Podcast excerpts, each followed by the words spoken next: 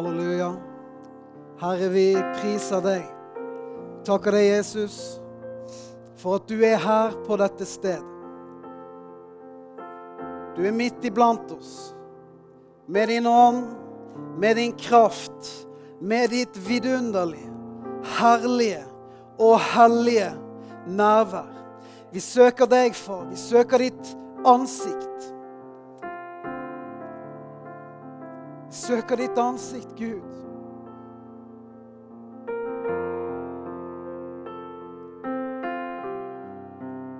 Takk for din ånd, Herre.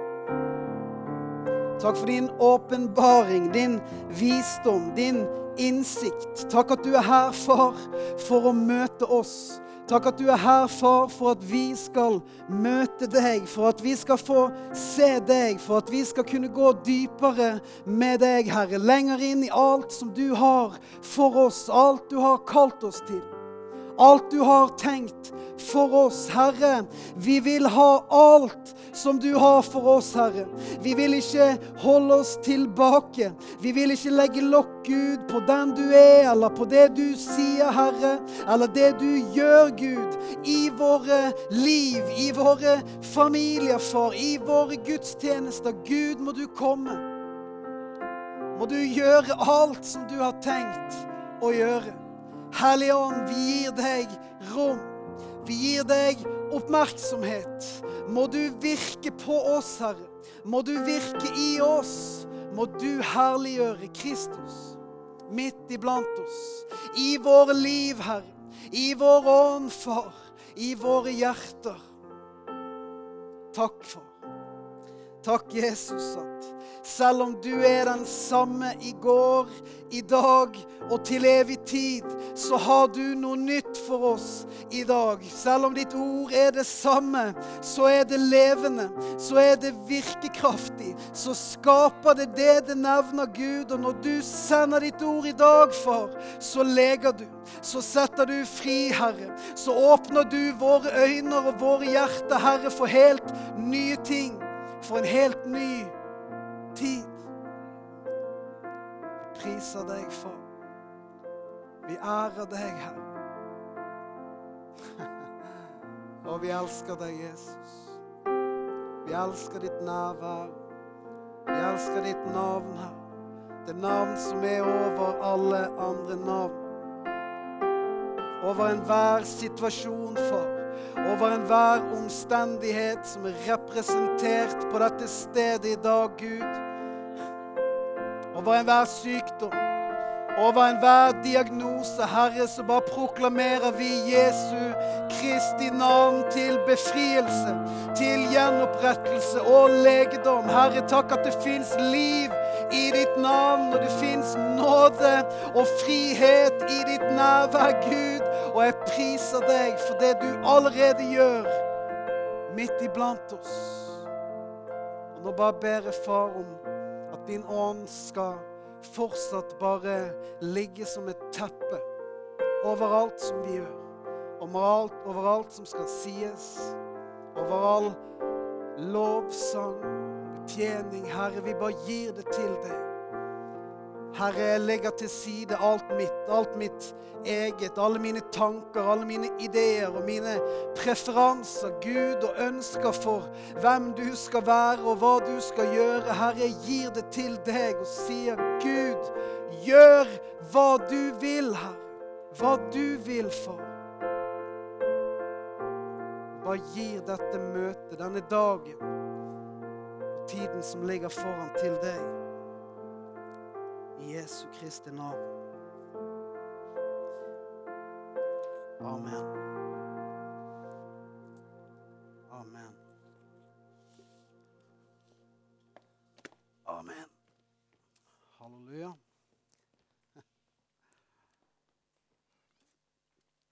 Herlig å være her.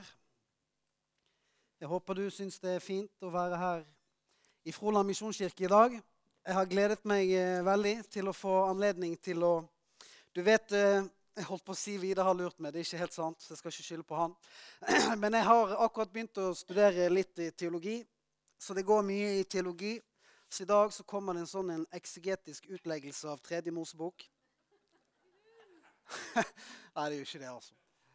Så det er sunt for meg, det er bra for meg å få lov å komme hit til Froland misjonskirke og få lov å få utløp for, for litt av livet som, som, Gud har lagt på meg. Dra nesen opp litt fra, fra bøker og teorier og forskjellige ting. Det er litt sånn Jeg satt i går og, og holdt på å forberede meg og sånn, og styrte litt med forskjellige ting. Jeg kommer til å preke i dag inn i det som jeg opplever. For det første at Gud holder på med her i menigheten. Her på dette stedet. Det har vi ulike opplevelser av, helt garantert. Kanskje like mange ulike opplevelser av som det finnes mennesker i huset. Men jeg har en veldig sterk fornemmelse av hva Gud er i ferd med å nære opp her. Og jeg er ekstremt optimistisk på vegne av det. Det er akkurat som jeg gjenkjenner lukten av noe som jeg har vært med på før. Av noe som jeg også har stått i tidligere. Og jeg bare ser hvordan Gud begynner å vekke opp ting i forskjellige mennesker og begynner å tale tilsvarende ting til så mange forskjellige mennesker. Og én ting har jeg lært meg.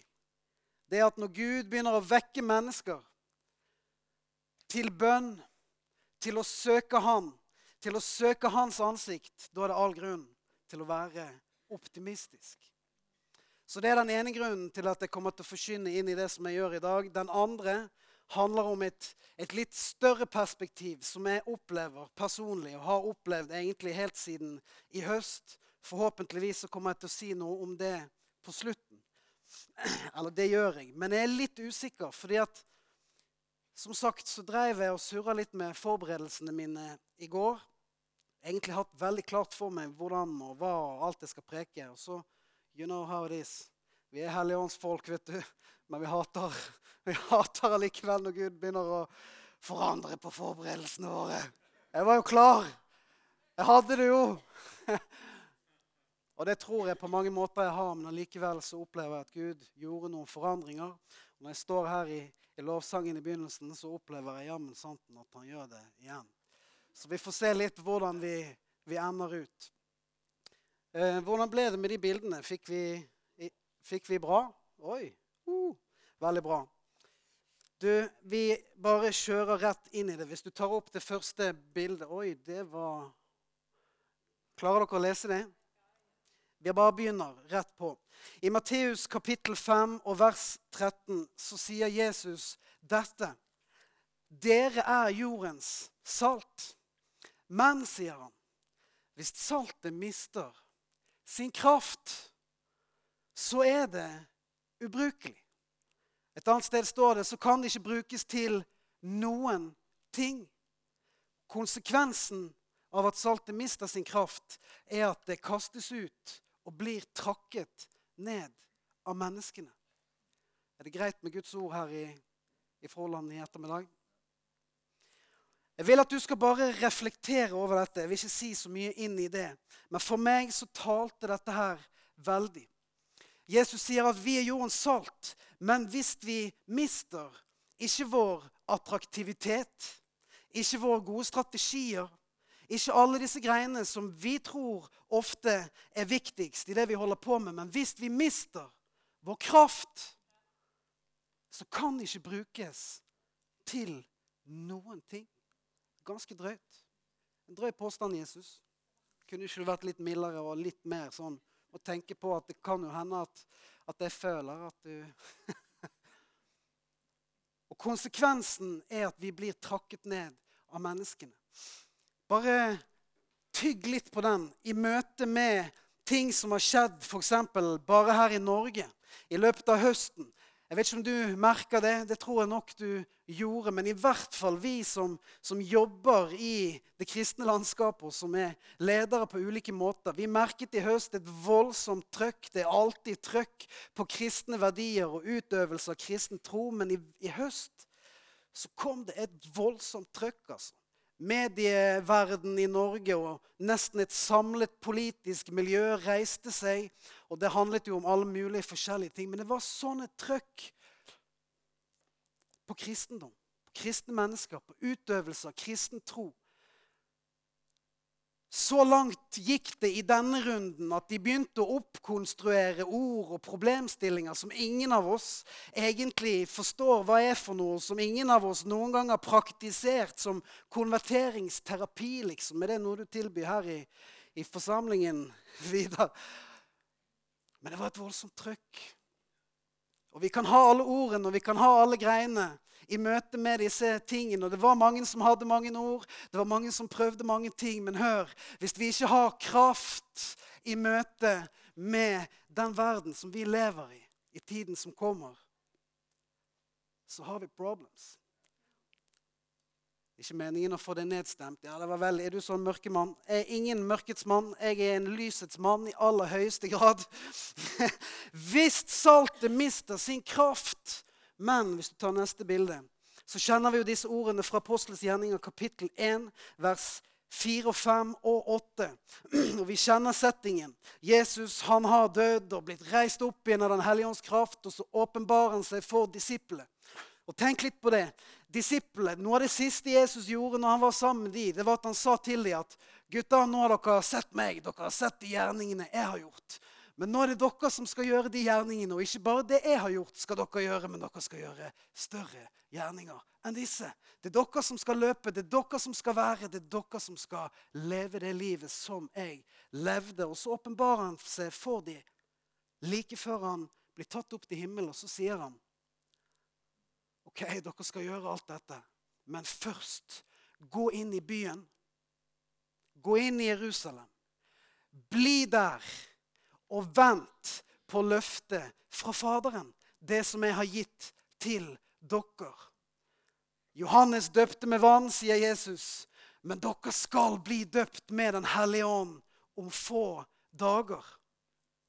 Og dere skal få kraft når Den hellige ånd kommer på dere. Hør.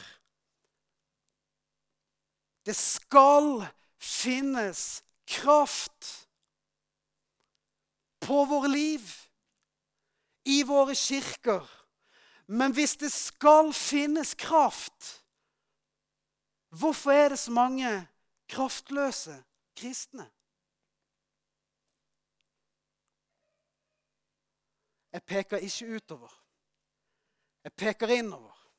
Bare for å få det helt på det rene her før vi går videre. Det er ikke sånn at jeg står her i dag og sier at det fins så mange kraftløse kristne. For meg så er dette her en, en, erkjennelse først og fremst i forhold til hva Gud har pekt på i mitt liv. I, for, I, forhold til hvordan jeg har sett kraftløsheten i mitt eget liv over tid. Min erkjennelse. Jeg skal prøve ikke sparke ned den, så du blir litt nervøs, Vidar. Sånn. Så jeg peker først og fremst innover. Jeg tenkte egentlig jeg skulle dele en historie i begynnelsen her. Men jeg tror ikke jeg kan ta meg tid til det. Du får spørre meg på privaten når vi har litt bedre tid. Be meg om å fortelle historien om, om den gangen jeg og en kompis ble deportert av politiet fra flyplassen i Florø med, med forbud mot å komme tilbake igjen. Ja, Du kan ikke si det og ikke fortelle historien. Det var skikkelig dårlig idé å si det. Men jeg kan ikke fortelle hele den historien. Men den historien handler om OK, short story. Siden vi er på det humøret i dag. Min eh, story er det noen som kjenner, og noen som ikke kjenner. Men, men eh, min vei til Kristus gikk via Evangeliesenteret. Og det var en lang og kronglete vei. Og for å gjøre den så lite kronglete som mulig, så var jeg overhodet ikke på jakt etter Jesus. Jeg pleier å si det sånn.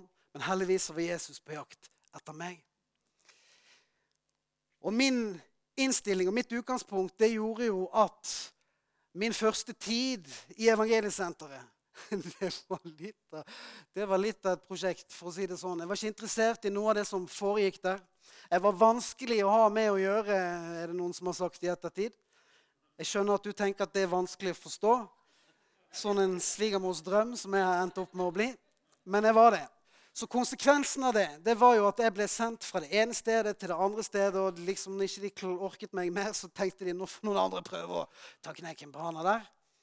Og så endte jeg opp i Florø da, på en skole der og bodde på et internat der. Og det var same story. Endte opp med at jeg og en kamerat ikke bare ble sendt fra det stedet. Jeg husker ikke hva vi gjorde i Florø. altså. Det er sikkert naturlige grunner til det. Men, men helt seriøst, jeg har aldri hørt at det har skjedd med noen, verken før eller siden. Men det endte med at meg og han kompisen vi ble deportert av politiet. I, til flyplassen i Florø eller Førde. Jeg husker ikke hvor det var. Men i hvert fall fra Florø så ble vi kjørt til flyplassen av politiet. Fikk en billett med flyet til Oslo. Dere kommer ikke tilbake inn her på så og så lang tid. Det var effektivt, kan du si. Så vi, vi forsvant derfra. Men poenget mitt var at i hele den settingen her, på den skolen, så var det sånn folk kjente meg. Uinteressert, uengasjert, hadde ingenting med Gud å gjøre. Men, men så fikk jeg jo et gjennombrudd med Gud. Og etter en stund så skulle jeg tilbake til denne skolen for å ta noen eksamener. Og jeg hadde ikke bare liksom Å, gode Gud. Jeg hadde virkelig fått et radikalt, totalt livsforvandlet møte med den levende oppstandende Kristus. Og Den hellige ånd hadde tatt bolig i mitt liv, og jeg var helt ugjenkjennelig.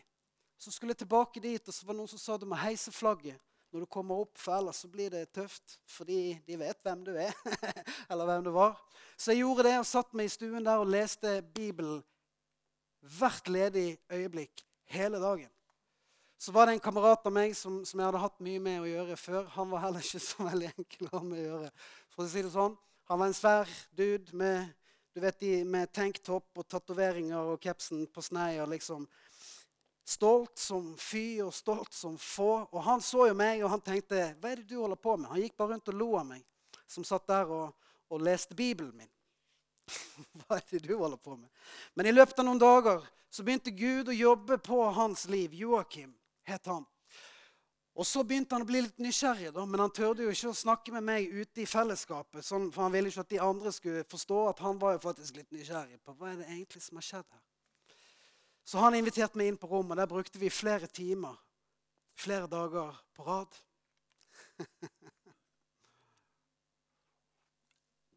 og etter bare noen dager så endte det med at Joakim bøyde knær for Jesus. Og jeg fikk be med han til frelse. Men han var jo ikke fornøyd vet du, med bare litt. Han ville jo ha hele pakken. Så han sier til meg etter noen dager du, du må be sammen med meg at jeg må få Den hellige ånd. Jeg må bli døpt i Den hellige ånd. Og du vet, Det var ingen tvil om at Den hellige ånd bodde i meg og levde i meg. For det merket jo jeg, og det merket alle andre rundt meg også. Så jeg tenkte yes, I got this. Jeg skal være med og be. vet du.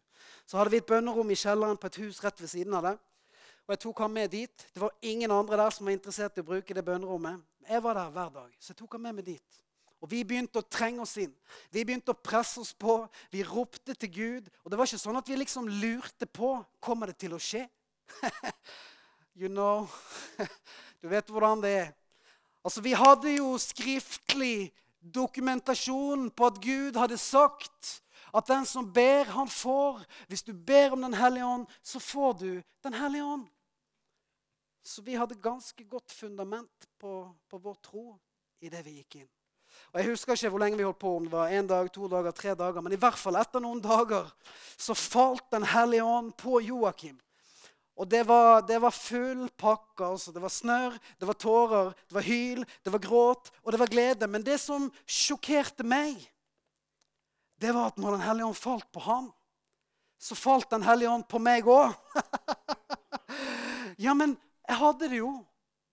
Og da fikk jeg plutselig oppleve en erfaring av at det fantes en dimensjon av kraft i Den hellige ånd som jeg trodde jeg hadde, for jeg hadde Den hellige ånd i meg. Men det hadde jeg ikke, altså.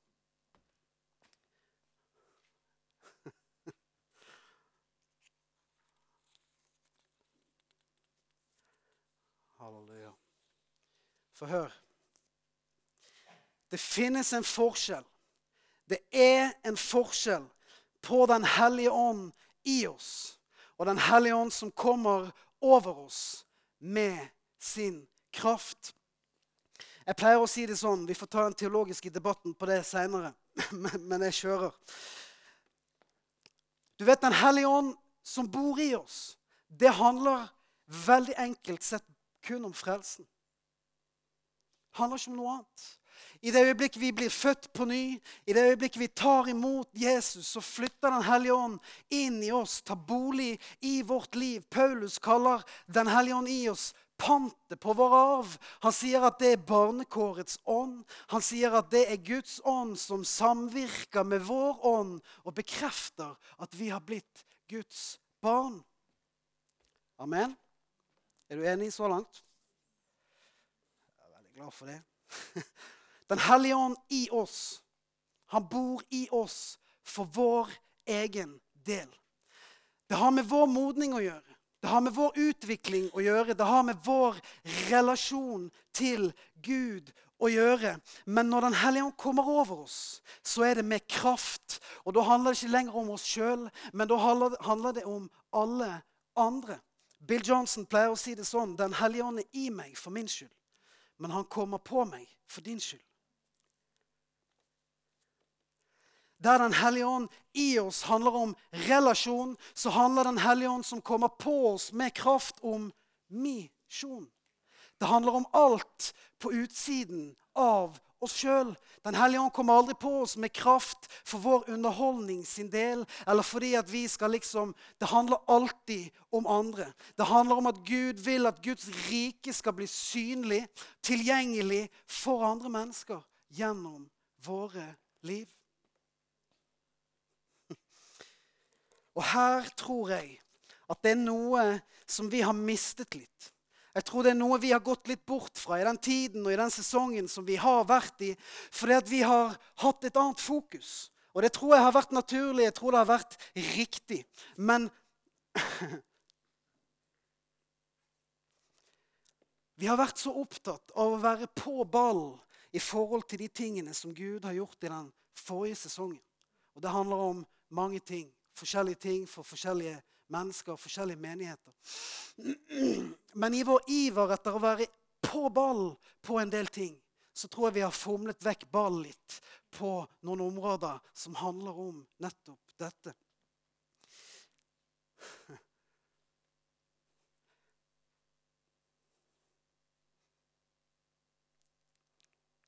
Og jeg tror at Gud vil at vi skal finne tilbake igjen noe av dette.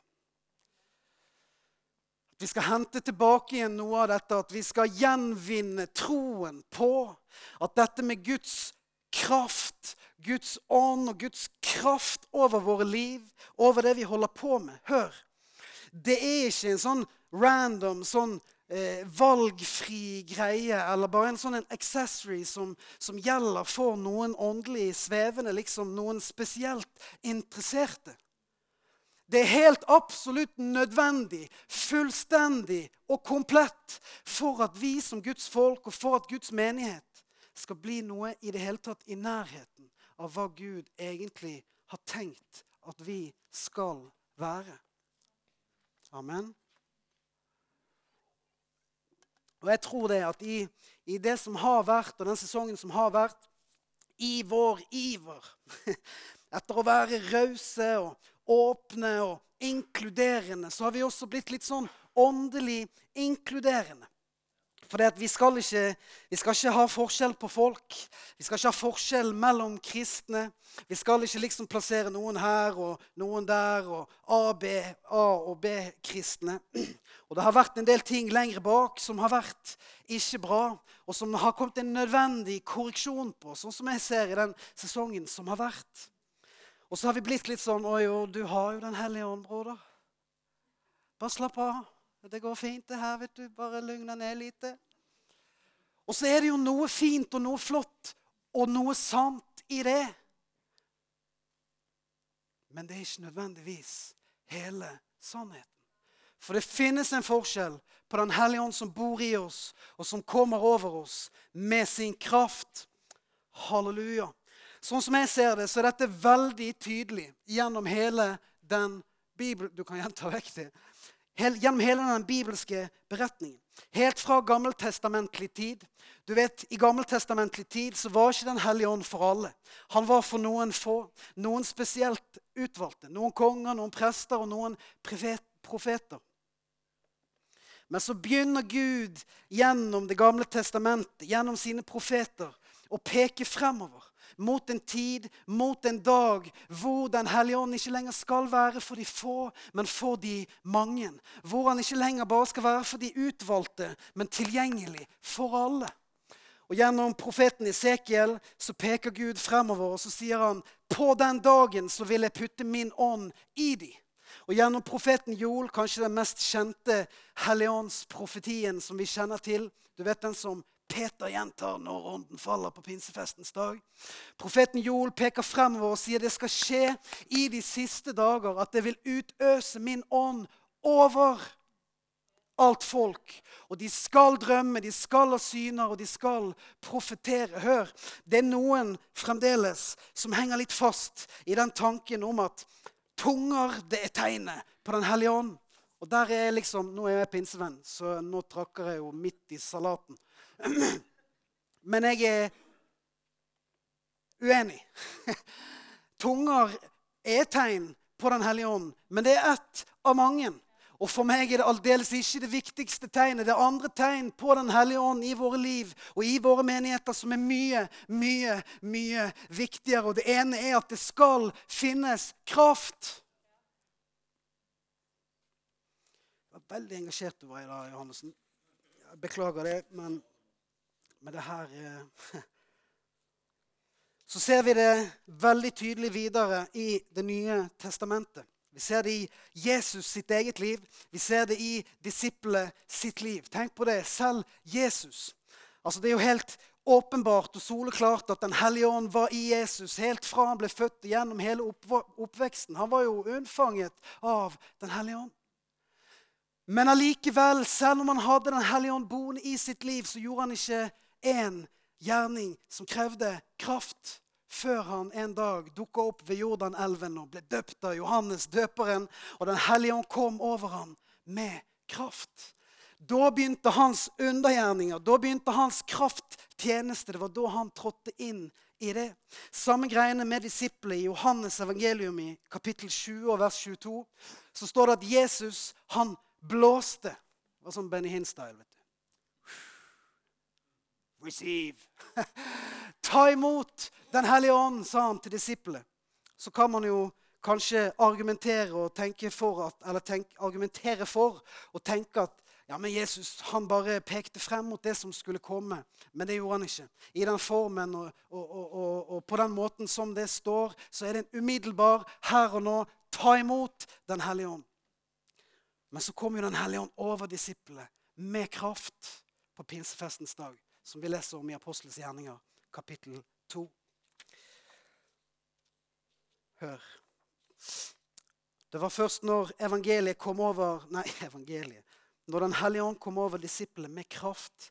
Det var da det brøt løs. Det var da kirken ble født. Det var da livet kom. Det var da kraften kom. Det var da frimodigheten kom over disiplene, og vekkelsen brøt frem. Det var først da at 3000 ble frelst på en dag. Det var først da at hver eneste dag la Herren nye mennesker til menigheten. Det var først da at disiplenes ord skar og trang gjennom som piler. Det var først da, når kraften kom på deres liv, at de ikke kunne stå seg imot den visdom og overbevisningen som de talte med. Nøkkelen var ikke visdommen eller overbevisningen. Nøkkelen var Den hellige ånds kraft som var på deres liv og i de ordene som de talte.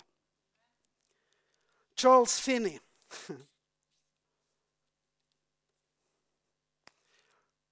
Kirkehistorien, vekkelseshistorien, er full av de samme eksemplene. Den samme historien, den samme veien. Hvis jeg får opp det neste bildet av han flotte mannen Han der, kameraten der. Han er en herlig fyr. vet du. Han er jo et stort navn. Noen kjenner han, noen kjenner han selvfølgelig ikke. Det er helt naturlig. Men han er et stort og kjent navn i vekkelseskristendom. Han blir faktisk av mange kar karakterisert som vekkelseskristendommens far. Han er en interessant fyr. Han her han jobbet som advokat. Og han var en overbevist og gjenfødt kristen. Men på et eller annet tidspunkt så begynte han å kjenne denne lengselen på innsiden. Det må jo finnes mer. Han så jo det at det skjedde ingenting i livet hans. Det skjedde ingen omvendelser når han forkynte og når han prata med mennesker. Mennesker ble jo ikke helbredet når han ba for dem. Så det begynte å våkne en sånn en greie på innsiden av han, og det endte med at en dag når han var på vei til advokatkontoret sitt, så ble den overbevisningen og lengselen så sterk at han bare skar rett ut av ruten sin og inn i skogen, hvor han ropte til Gud, 'Gud, jeg må ha den kraft som evangeliet snakker om'. Resultatet var at han fikk den kraften som evangeliet snakker om. Og Han forteller sjøl at i de dagene etter han ble døpt i Den hellige ånd, og Guds kraft kom på livet hans, så kan han ikke huske en eneste person. Han sier jeg prater med hundrevis de nærmeste dagene. Og jeg kan ikke huske én som ikke ga livet sitt til Kristus. Og så sier han at etter en stund så oppdager han plutselig at når han prater med folk, så var det ikke samme gjennomslaget. Det var ikke samme gjennombrudd. Og han begynte å liksom Å, hva er det som har skjedd? Og da renset han, renset han timeplanen sin, og så tok han en dag med bønn, faste, innvielse og omvendelse, og så kom kraften tilbake. Halleluja.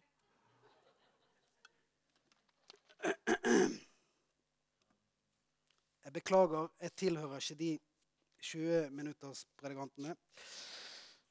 Det er jo litt utfordrende for noen. Men hør.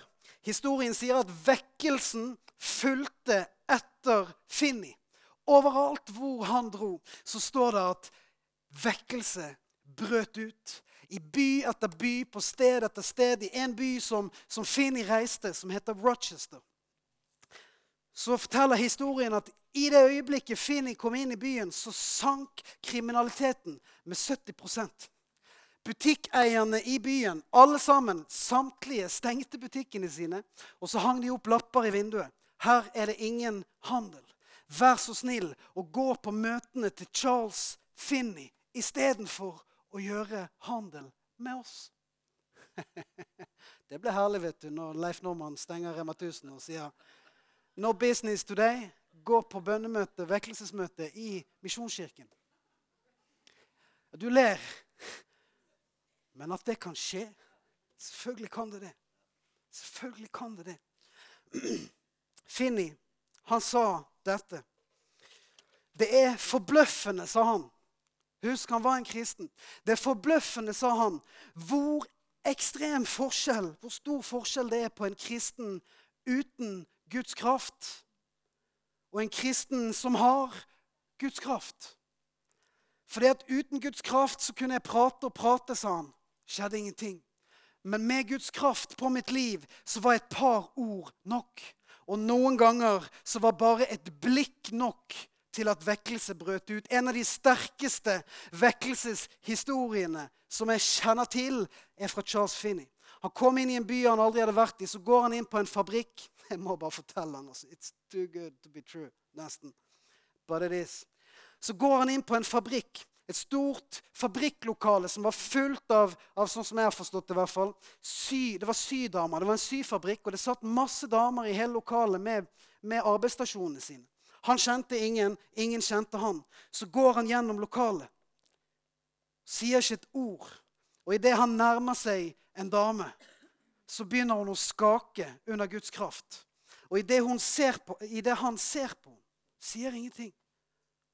Hun vet ikke hva som foregår. Guds kraft var så sterk på hans liv. Så faller hun på gulvet, hulket og omvendte seg. I løpet av to minutter så var hele lokalet Fremdeles har ingen sagt et ord. Samtlige hele lokalet var på gulvet i bønn, i omvendelse. Fabrikkeieren kommer inn, og han har hørt om Finni, så han skjønte hva som skjedde. Og han sa, 'Steng fabrikken. Vi rydder fabrikken, og så holder vi møter.' For det her er too good to be true. Og vekkelse brøt ut i den byen. Bare et blikk er nok. Det er ikke våre greier som gjør det. Det er Gud i sin nåde og med sin kraft. Han sa også, Finni, at det fins for mange kraftløse kristne. Dette var jo overgangen, begynnelsen av 1800-tallet. Han sier det fins for mange kraftløse kristne, sier han. Og vi er alle uten unnskyldning for å ikke ha Guds kraft. For løftet er det samme. Kraften er den samme. Og han listet opp en, en hel rad med punkter for hvorfor han trodde da at det var så mange av oss som var så kraftløse. Og to av de punktene er dette. Nummer én vi tror ikke lenger at løftet gjelder for oss. Du skal få kraft idet Den hellige ånd kommer på deg. Men vi tror ikke på det. Nummer to hadde vi trodd det, så hadde vi gått etter det. Nummer to vi er ikke villige til å vente på løftet utrustningen fra himmelen på den måten som de var da. Dette var på begynnelsen av 1800-tallet. Jeg vet ikke hva du tenker, men jeg tenker at det er ikke så veldig annerledes i dag. På begynnelsen av 1700-tallet så var det en, en, en, eh, mann i en bitte liten by helt øst i Tyskland som het Greve. Du kan få opp det bildet hvis du har det grev Nikolaus Ludvig Graf von Sinsendorf. Sånt navn vil jeg ha. det helt konge. Han bodde i en bitte liten by som het Hernhut, med ca. 2000 innbyggere. Og Til denne byen så kom det mange folk fra landene rundt omkring. for den lå helt på grensen. De kom dit for å drive handel og for å jobbe og gjøre forskjellige ting. Og De kom dit med sin kultur og med sine greier. og og det skapte mye sånne indre uroligheter og uenigheter og konflikter i byen. Så vår gode venn greven her oppe han bestemte seg for at det skal jeg prøve å gjøre noe med. Og det beste du kan gjøre for å skape enhet, det er å invitere folk til bønn. Så han startet med bønnemøter jevnlig og inviterte byens befolkning dit. Og Det holdt de på med av og til. Og etter åtte måneder på et bønnemøte en kveld så falt Den hellige ånds kraft på den forsamlingen. og vekkelse brøt ut. Resultatet ble at grev Sinsendorf han forandra det fra å være bare jevnlige bønnemøter til å bli daglige bønnemøter. Jeg vet ikke hvordan du er, Vi er jo litt forskjellige der, men kanskje du tenker at bønn av og til en time eller to timer det er litt slitsomt. Men dette ble døgnet rundt 24 timer i døgnet hele uken. Og det varte i over 100 år. 100 år! Og det brøt ut vekkelse. Og denne bitte lille byen med 2000 innbyggere I løpet av få år så sendte de ut 300 misjonærer til hele verden. Og denne bitte lille byen på den tiden der ble kjent over hele verden for at byen var full av Guds nærvær. Det var vekkelse der. Mirakler brøt ut. Sterke lovsanger som ble født, og som gikk ut med misjonærene til en hel verden. Og Direkte og indirekte på mange måter så har disse folkene fra den tiden der Morevianervekkelsen ble den vekkelsen kalt. Og de som kom ut derfra, het morevianere. Noen få år etter vekkelsen brøt ut, så var det to stykker som var på tur eh, med båt mellom England og Amerika. Kan få opp det siste bildet der av John Wesley. John og Charles Wesley, to brødre, de var på vei fra, fra England til USA på en båt. Og det var to herlig frelste, oppegående brødre som var født på ny og hadde Den hellige ånd i sitt liv. Men på den båten så var det en gruppe med morevianere som kom ut fra vekkelsen i Hernhut. Og John og Charles de så på disse morevianerne at de har noe som ikke vi har. Det er noe på deres liv som mangler i vårt liv. Og det dreiv John inn i en søken, inn i en lengsel, som endte med at han også fikk Den hellige ånds kraft over sitt liv. Og det forandret alt. Og han òg har gått inn i historien som et av de store navnene i vekkelseshistorien. Han blir kalt for metodistvekkelsens far. Resultatene av hans liv er i dag ca. 55 millioner metodister over hele verden. Og både John Wesley og Moreviana-vekkelsen hadde senere direkte innflytelse på en mann som vi sikkert alle kjenner, som het William Seymour. Som på begynnelsen av 1900-tallet satt nede i, i, i USA og fikk den samme lengsel, den samme hunger og begynte å samle en gruppe mennesker til bønn i huset sitt. Og I 1906 så falt Den hellige ånds kraft på denne gruppen med mennesker. Og det vi i dag kjenner som pinsevekkelsen, brøt ut, som historikere sier er den største folkebevegelsen gjennom historien. Og som har brakt flere mennesker til Kristus enn alle andre vekkelser til sammen. Halleluja. Hør. Charles Finney de sier at han alene, ansikt til ansikt, vant mer enn 500 000 mennesker. Det sies om Charles Finney at han rei på hesteryggen i vær og vind på den tiden med de greiene. Mer enn 500 000 kilometer. Enkle menn drevet av Den hellige ånds ild. Come on, somebody. De hadde ingen skinny jeans, de hadde ingen trange skinnjakker, ingen kule briller eller sidecut. De hadde ikke Internett, de hadde ingenting. De hadde kun Den hellige ånds kraft på sitt liv. Den hellige ånds ild som drev de til å legge ned alt for å gi det videre. Og Jeg er så glad for at historien er full av sånne mennesker.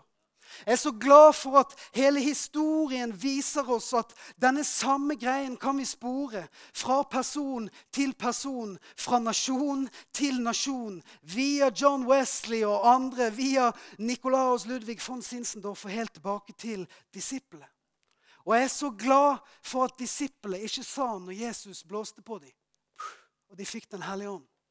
Jeg er så glad for at de ikke sa That's good for me, liksom. Jeg har fått det. Det er nok. Min tro er privat, min tro er personlig.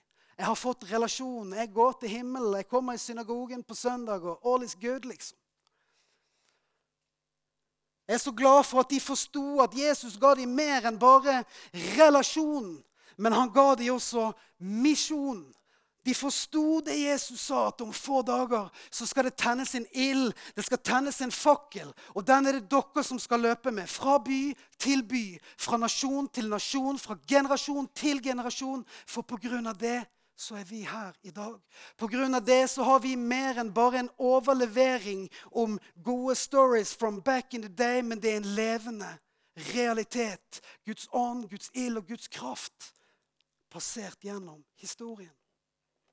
Hør en liten side note.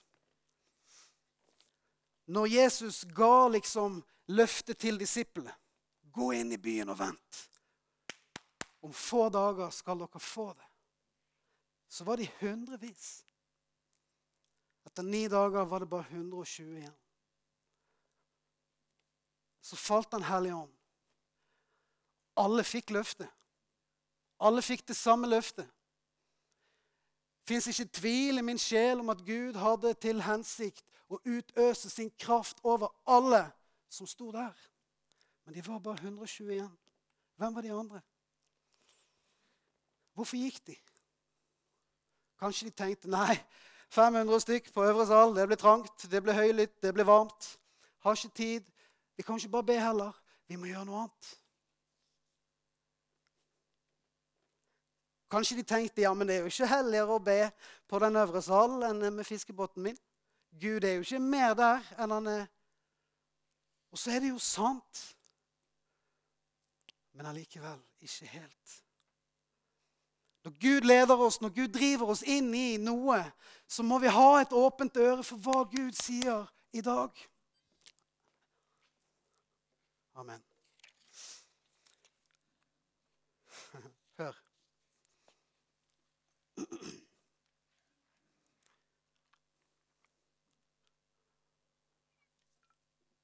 Du kan komme opp eh, straks. Bare vent eh, et par minutter.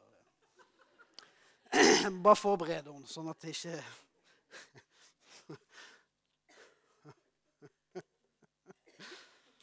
Ja, takk, Jesus, for stor nåde.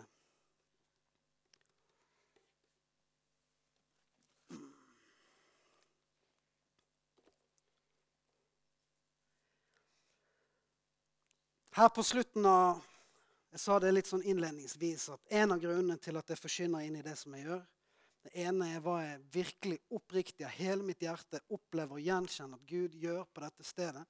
Men den andre er også helt oppriktig av hjertet, noe som jeg har gått og kjent på over lengre tid. og som du vet, Det er rart altså på noen sånne tidspunkt underveis så bare kommer ting sammen. og Så bare skjønner du hvorfor Gud har holdt på med det han har holdt på med, hvorfor Gud har talt om det han har talt om i livet ditt over tid. Og Jeg hadde en sånn en experience her i høst. Egentlig så var det akkurat eh, ja det var rett før i hvert fall at, at Geir og jeg og, og, noen andre skulle reise til Romania. Og sammenfallende nok så var jo temaet for den helgen var jo Helligånd, Holy Spirit. Første stedet jeg prekte inn i noe la det samme som jeg preker i dag, men på en helt annen måte, selvfølgelig, det var der. For at jeg opplever at det er noe Gud gjør som, som handler om et større bilde enn bare en lokal menighet. Og jeg opplevde, Det er ikke mange ganger jeg har opplevd det på den måten som jeg gjorde da i høst. Det var veldig påfallende. altså. For jeg var liksom så inne i det som Gud holdt på med, og det vi har talt om, og det som har vært liksom på Guds agenda rundt forbi overalt. I måten å tenke på. Og så plutselig opplever jeg at Gud begynner å peke på helt andre ting. En sånn sterk opplevelse av at vi gikk fra noe med et fokus og til noe annet med et annet fokus. Som om vi gikk fra en sesong i Guds rike og til en annen sesong. Så opplever jeg da i det at Gud sier at det er tid for en sesong av Den hellige ånd i Europa. Så var det mye rundt det. Men så Det lå som et sånt bakteppe. Og så inn mot dette året Jeg gjør jo ofte det. Eller ikke ofte. Jeg gjør jo alltid det. Inn mot nye år så, så søker jeg Gud og prøver liksom å, å lytte inn litt på hva er, Gud, hva er på ditt hjerte, Gud, for mitt liv. Men, men, ikke minst inn i de settingene hvor jeg er med og leder, og hvor jeg skal være med og forkynne. Hva er på ditt hjerte, Gud, for året, liksom? Ikke fordi at jeg tror at i Guds verden så er det liksom ett år nødvendigvis eh, markert med en overgang på den måten. Men en fin tid for refleksjon og for å presse inn. Men i år var det veldig tydelig at det var det her greiene her som Gud talte om. altså. Og i det så, så kommer noe opp i min ånd igjen. Noe som, som, som, som skjedde her for to år siden. Enten var det to eller tre år siden så sto jeg personlig, og menigheten som jeg jobbet i, sto i en heftig greie på mange måter. Store endringer, store tøyninger, store strekninger på mange måter i forhold til ledere, i forhold til mennesker, i forhold til alt mulig. Og Det var skikkelig utfordrende. Og Så hadde vi en samling for pastoren og lederskapet hjemme hos meg. en sånn juleavslutning. Og det ligger vet du, bare på som en sånn en greie. Så går jeg litt avsides, og så sitter jeg der og så spør jeg Gud. Gud, hvorfor tillater du det her? For det jeg på en måte samtidig gjenkjente, var at det var store endringer. Ikke bare hos oss, men i hele liksom, kirkelandskapet i Norge. Hele frikirkeligheten. Store endringer, store utfordringer. Noe handler om stil og retning og masse forskjellige greier. Så spør jeg Gud hvorfor gjør du sånn. Hvorfor ryster du liksom greiene på denne måten her? Det er jo så vondt. Det er jo så vanskelig. Det er jo så utfordrende for så mange mennesker. Og momentant, når jeg satt der og sukket til Gud, så svarer Gud. Han sa det på engelsk, for Den hellige ånd snakker engelsk. Han gjør ikke det, altså. Men han gjorde det akkurat da. Så sier Gud, 'Because new wine is coming. og Jeg forventer ikke at det skal bety så mye for deg her og nå. Men for meg i det øyeblikket så var det som å ikke få puste i ene øyeblikket. Og når Gud sa 'because new wine is coming', så var det som jeg fikk oksygen, fordi det betydde så mye. Det var matet med mening for meg. For det fins et løfte i det som er pakket med innhold. Og En klok mann har sagt at a promise gives pain a purpose. Altså et løfte gir hensikt til din smerte. Og det var som jeg bare I det øyeblikket. Jeg visste ikke hva det betydde, jeg visste ikke når det skulle komme. Dette er noen år siden. Se, jeg kommer snart, sa Jesus. Snart og nå for Gud betyr ikke alltid det samme som snart og nå i vår verden. Men jeg putta det opp i skuffen på hyllen. Jeg visste det var Gud som hadde sagt det. Men det er lurt å ha en skuff på hyllen med ting som Gud kanskje eller kanskje ikke sier, for da ligger det der til Gud henter det fram. Så henter Gud det fram nå i denne juletiden. Så minner han meg på det. Husker du det? New wine is coming. Du kan bare komme opp. Jeg må begynne å rulle inn.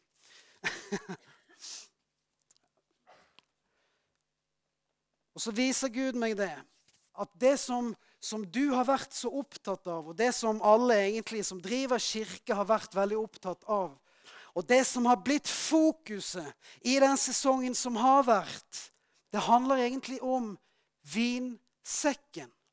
Vet ikke om du kjenner lignelsen som Jesus forteller om vinen og vinsekken. Kanskje ta hele den nå. Men Jesus bruker en lignelse der. Så sier Gud alle disse tingene, alle strukturene, alle rammene, det som handler om musikkstil og menneskelige preferanser og møteform og hva det måtte være, lederstrukturer, det er egentlig bare skinnsekken som strekkes, som tøyes. Det er strukturen som egentlig har bare én hensikt, og det er å skape rommet for vin, altså Den hellige ånd, som Gud vil helle i.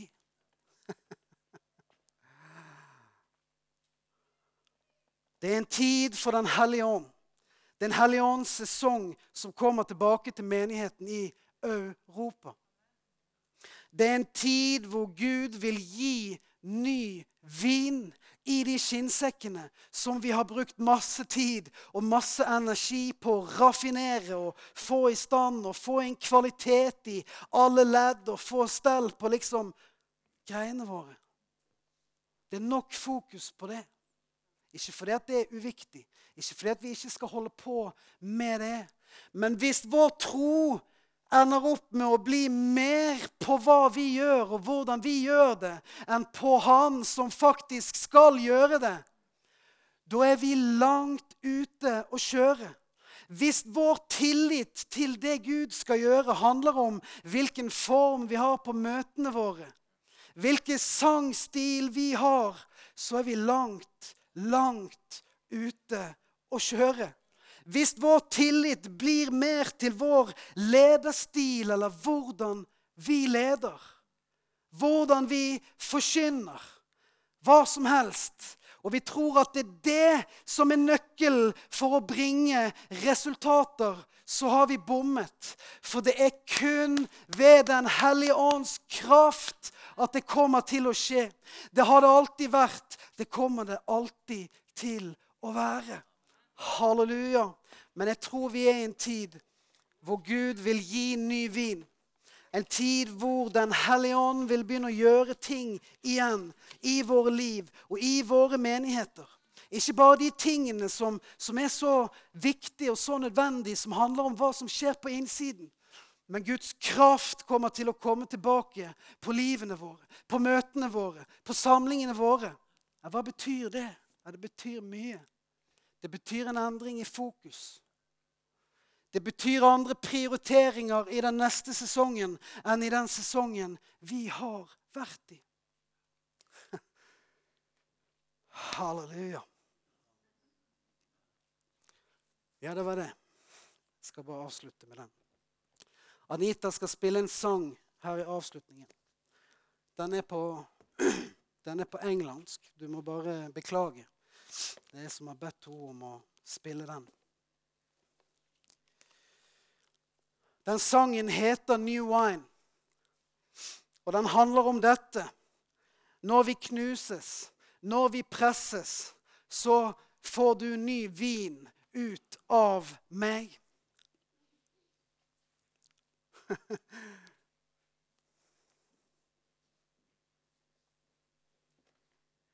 Jeg legger ned min gamle ild, synger hun. For å gripe den nye ild som du vil gi i dag. Bare avslutte med dette ordet fra Gud. Jeg tror det at mens Anita spiller den sangen som hun skal spille nå Så én ting er hva vi forstår og ikke forstår. Men hør. Det står at når David spilte, så vek den onde ånd fra Saul. Det skjer noe i ånden når mennesker som er salvet av Gud, spiller. Så ikke vær opptatt av om du forstår teksten eller ikke. Jeg tror Gud vil gjøre ting i menneskers liv. Og Hvis du er her og du kjenner at 'Yes, jeg tror på dette', jeg tror at Gud vil gjøre noe nytt. Jeg tror det kommer en ny tid og en ny sesong av Den hellige ånd. Og Gud vil helle sin vin i mitt liv på nytt. Så kan du komme frem, så skal noen av oss være med og salve deg. Hvis du virkelig tror det, hvis du virkelig lengter etter det, hvis du virkelig vil ha det. Eller kanskje du er der at du har en erkjennelse av at yes, Den hellige ånd bor jo i meg, og jeg har jo liksom livet i Gud. Men denne kraften, denne lengsel, denne hungeren, den er long gone fra mitt liv. Det er ingen skam i det. Det er en fantastisk erkjennelse å komme dit. Jeg kommer dit hele tiden.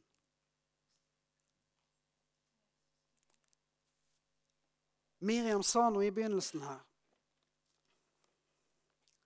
Bare begynn å spille litt, du, Anita. Miriam sa noe i begynnelsen. Og Da minnet Gud meg om et ord. Og det henger sammen med dette her. Jeg kjenner ikke helt til alle disse her tankene, ordene og opplevelsene av at Gud vil sende sitt regn. Men igjen da, så føyer det seg inn i noe som jeg har opplevd før, stått i før. Gud er glad i regn. Gud er glad i det bildet av regn. Og Jeg har lyst til å dele et ord som jeg fikk egentlig ved inngangen til 2017 i en annen menighet. Og der står det, som hun også kommer til å synge om nå Herre, du bryter nytt land i mitt liv, synger hun. Når du knuser meg, når du presser meg, sånn at ny vin kan komme ut. Og I Hosea kapittel 10 og vers 12 så sier Gud Så deg et frø som gir rettferdighet. Bryt nytt land, for nå er det tid for å søke Herren inntil Han kommer og lar sin rettferdighet regne over dere. Veien til intimitet, veien til et liv i kraft og seier er den samme som det alltid har vært. Det er ved Jesu føtter. Det er i bønn, i innvielse, i overgivelse til Han, der vi legger ned vårt eget for å gi Han alt. Løftet er det samme som det alltid har vært. Gå inn, vent på løftet. Du skal få kraft idet Den hellige ånd kommer over ditt liv. Halleluja. Kan vi ikke reise oss beklager at jeg klarte å rote meg inn i litt sånn extended preaching på slutten her. Men jeg bare jeg, jeg opplever virkelig at dette er et budskap for denne tiden. Og jeg vil bare invitere deg nå når Anita begynner. Kom frem. Hvis du kjenner at du vil ha mer, du vil gå dypere, du har en erkjennelse av Hellige Ånd, kom med din ild på mitt liv igjen. Jeg må ha alt som du har tenkt for meg. Jeg må ha din kraft. Jeg må ha det du har, og det du vil gi for å være ditt vitne. For å bringe den ild videre, sånn at ikke alt vi gir videre, er minne om det som kunne ha vært, men at det er resultatet av din ånd og din ild som bryter frem i Jesu Kristi navn. Herre, jeg priser deg. Jeg ærer deg. Jeg takker deg, far, for det du gjør på dette stedet. Jeg takker deg, Gud, for det du gjør i vår nasjon, Herre. Jeg takker deg for ditt profetiske ord, Herre. Jeg takker deg for din profetiske ånd, Gud. Din profetiske salvelse, Herre, over dette stedet. Over denne menigheten, over mennesker her, Gud, i denne tiden. Herre, send ditt regn. Kom med din ild på våre liv, Herre. Vi må ha din kraft, Gud. Takk at du vekker opp, Herre, en bønnens og nådens ånd på dette sted, sånn at vi er villige, Gud, til å trekke inn, til å trenge oss inn, til å legge ned vårt eget, Herre. Ikke fordi at det skal være strev eller kav eller våre prestasjoner som bringer noe som helst, Gud men fordi at det fins en lengsel i våre liv etter å være med deg, etter å se ditt hjerte og høre din stemme for denne tiden. Takk at du vil gi ny vin. Takk at du vil gi ny vin. Jeg trenger din vin, for. Jeg trenger ny vin i mitt liv.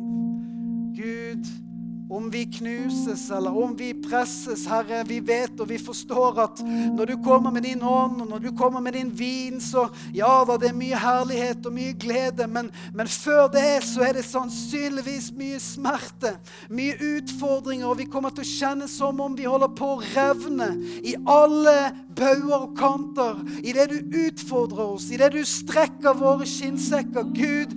Men i den smerten, i den utfordringen, Gud, Gud, så finnes det et løfte om at ny vin kommer. Halleluja, far. Derfor vil vi strekkes. Derfor vil vi tøyes i Jesu navn. Amen.